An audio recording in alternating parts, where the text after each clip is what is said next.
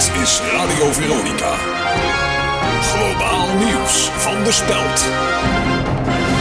Goedemorgen, mijn naam is Diederik Smit. India spreekt zich vandaag in een referendum uit over het terugdraaien van de onafhankelijkheid en wederonderwerping aan het Verenigd Koninkrijk. De Britse premier Cameron reageert verrast op het referendum omdat hij er niet over was ingelicht. Hij denkt dat er wat haken en ogen zitten aan een vertwintigvoudiging van de bevolking.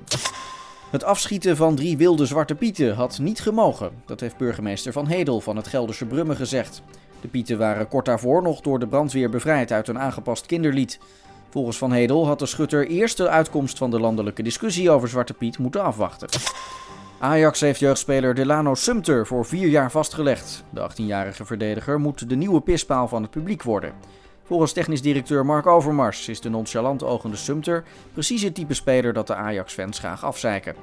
Ajax gaat Sumter overhaast brengen, zodat hij in zijn eerste wedstrijd al onder de druk bezwijkt.